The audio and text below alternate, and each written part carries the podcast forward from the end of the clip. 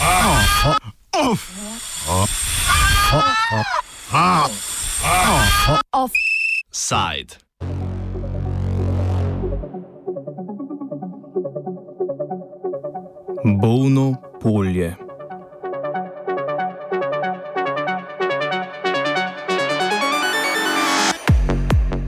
Občina Dobre polje, ki večinoma pokriva istoimensko Kraško polje, ugnezdeno med Grosupelsko, Ribniško in Novomeško občino, je letos v sredini pandemije COVID-19 ostala brez zdravnika.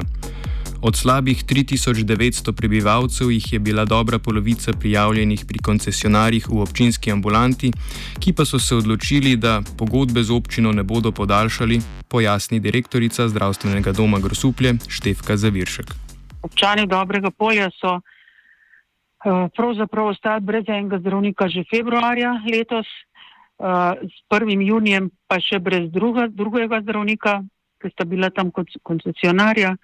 Uh, tako da smo se pravzaprav že v času epidemije koronavirusa veliko pogovarjali o tem, kako nadomestiti te izpade. Problemi so pa eskalirali seveda z junijem, ko je še druga zdravnica odšla in so ostali popolnoma brez zdravnika na svojem eh, področju, v svoji občini.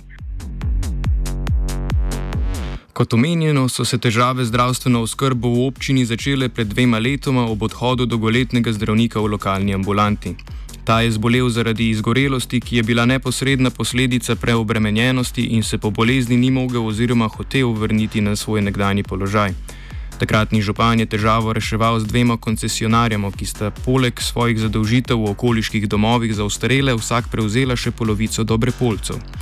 A ta rešitev ni zdržala dolgo in ena izmed koncesionark se je iz videmske ambulante preselila v sosednjo vas Struge.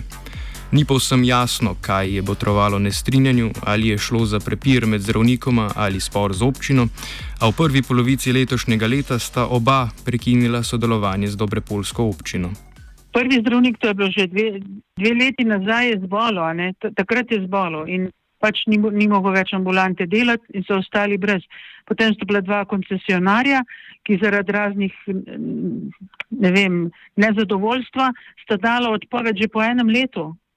Mislim, eden, eden točen po enem letu, ta drug mogoče mehen del delov.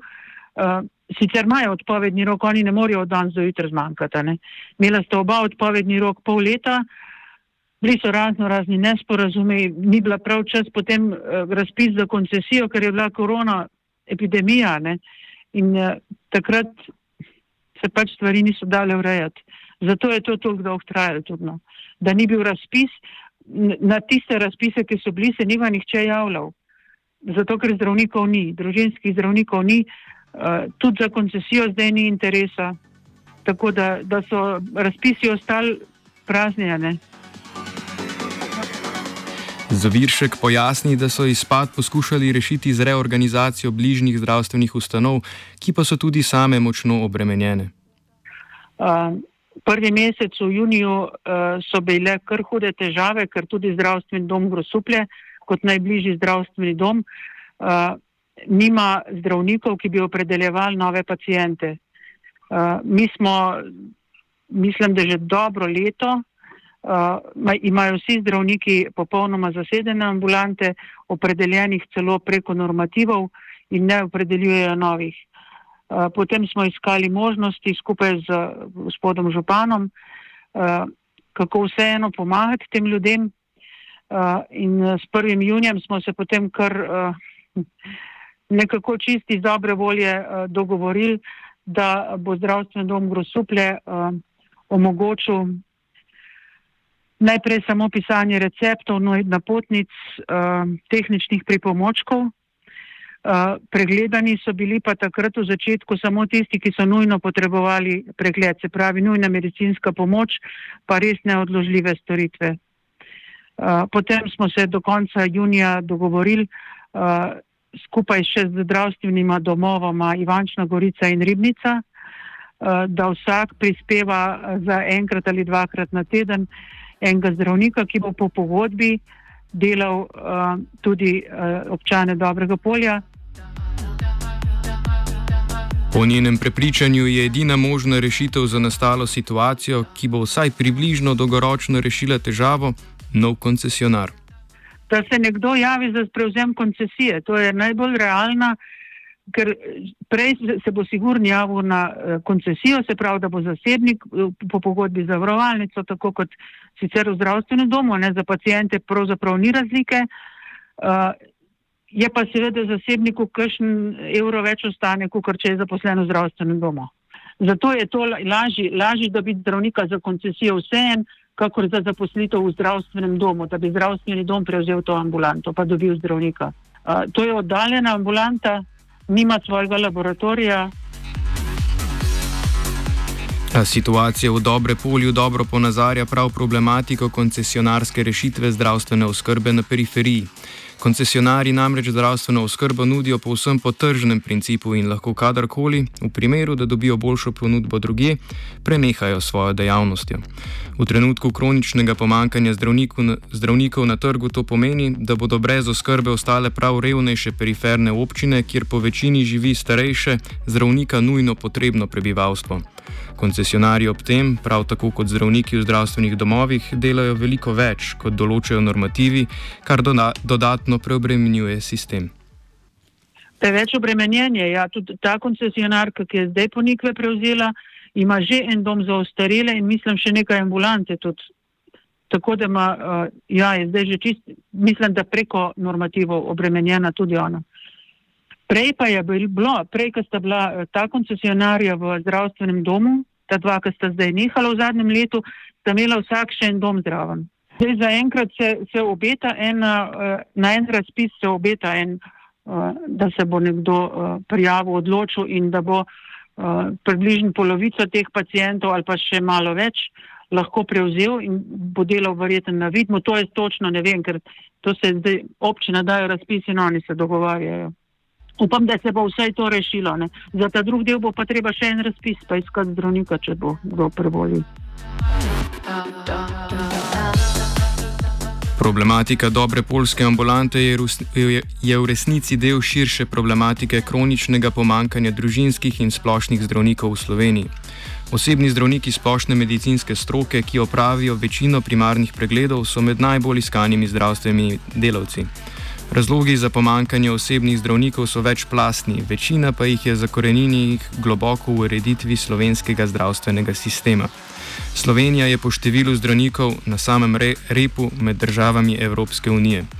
Situacija se je sicer v zadnjih letih nekoliko izboljšala, saj se je število zdravnikov povečalo za desetino, a ob staranju prebivalstva in ob upokojevanju starejših generacij zdravnikov teh preprosto ni dovolj.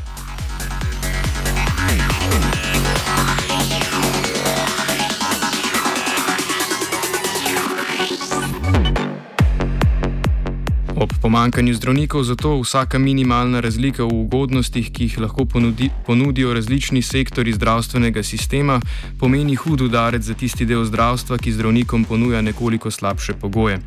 Neskladje med sistemom nagrajevanja specialistov in družinskih zdravnikov in neprivlačnost življenja na periferiji tako skupaj ustvarita hudo pomankanje družinskih zdravnikov na podeželju, ki jih po nekaterih ocenah primankuje že več kot 300. Zaradi njihovega kroničnega pomankanja jih je večina močno preobremenjenih. Po podatkih zdravniške zbornice imajo osebni zdravniki povprečen glavarinski količ, količnik 2400, po priporočilih stroke pa ta ne bi smel preseči številke 1800.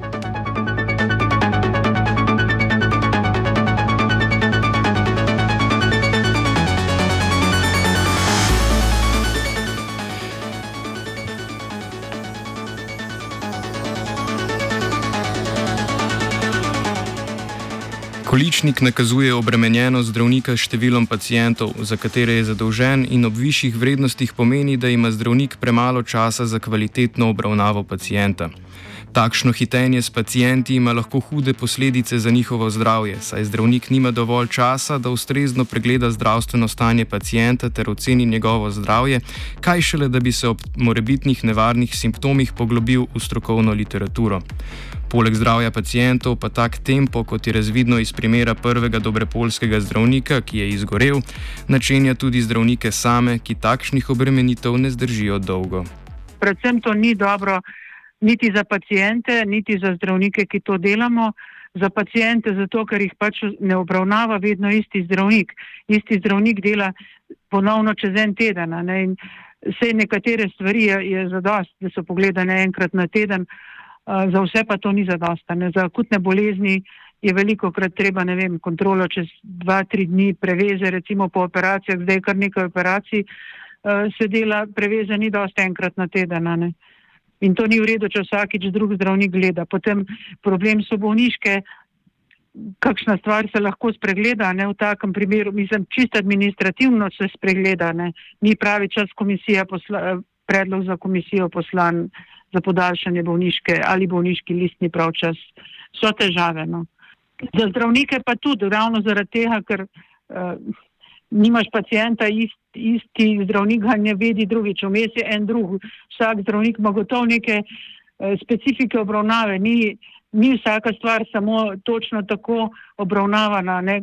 Vsak ima vem, ene posebnosti, ki jih drug ne pozna. Ne? Tudi v čisto vse podrobnosti se ne dajo zapisati, da bi naslednji zdravnik videl točno, kaj je bilo v prejšnji obravnavi narejeno. Uh, to ni dobro, poleg tega seveda mi vsi to delamo po pogodbi oziroma v podaljšanem delovnem času in nas obremenjuje. Ne? Že itak uh, imamo vsi v rednem času preko normativov dela. Strah pred napakami in izgorelost dodatno potencirata problem pomankanja zdravnikov, saj nekateri ne morejo prenesti takšnih obremenitev oziroma niso pripravljeni sprejeti odgovornosti za resne napake zaradi hitenja, ki lahko ogrozijo zdravje pacijentov. Neurejeno področje tako ustvarja vrtinec težav in nesporazumov, ki se med seboj ojačujejo in, kot naprimer v dobre polju, v končni fazi povsem ohromijo zdravstveni sistem perifernih ruralnih območij. Občine in prebivalci teh območij, že, že tako pogosto ekonomsko in socialno deprivilegirani, so tako prisiljeni težave reševati z ad hoc dogovori in pogodbami s koncesionarji. Takšni dogovori onemogočajo dolgoročno zdravstveno varnost teh območij, ob odpovedih ogrožajo zdravje najbolj ranljivih skupin in preprečujejo dolgoročni razvoj podeželja.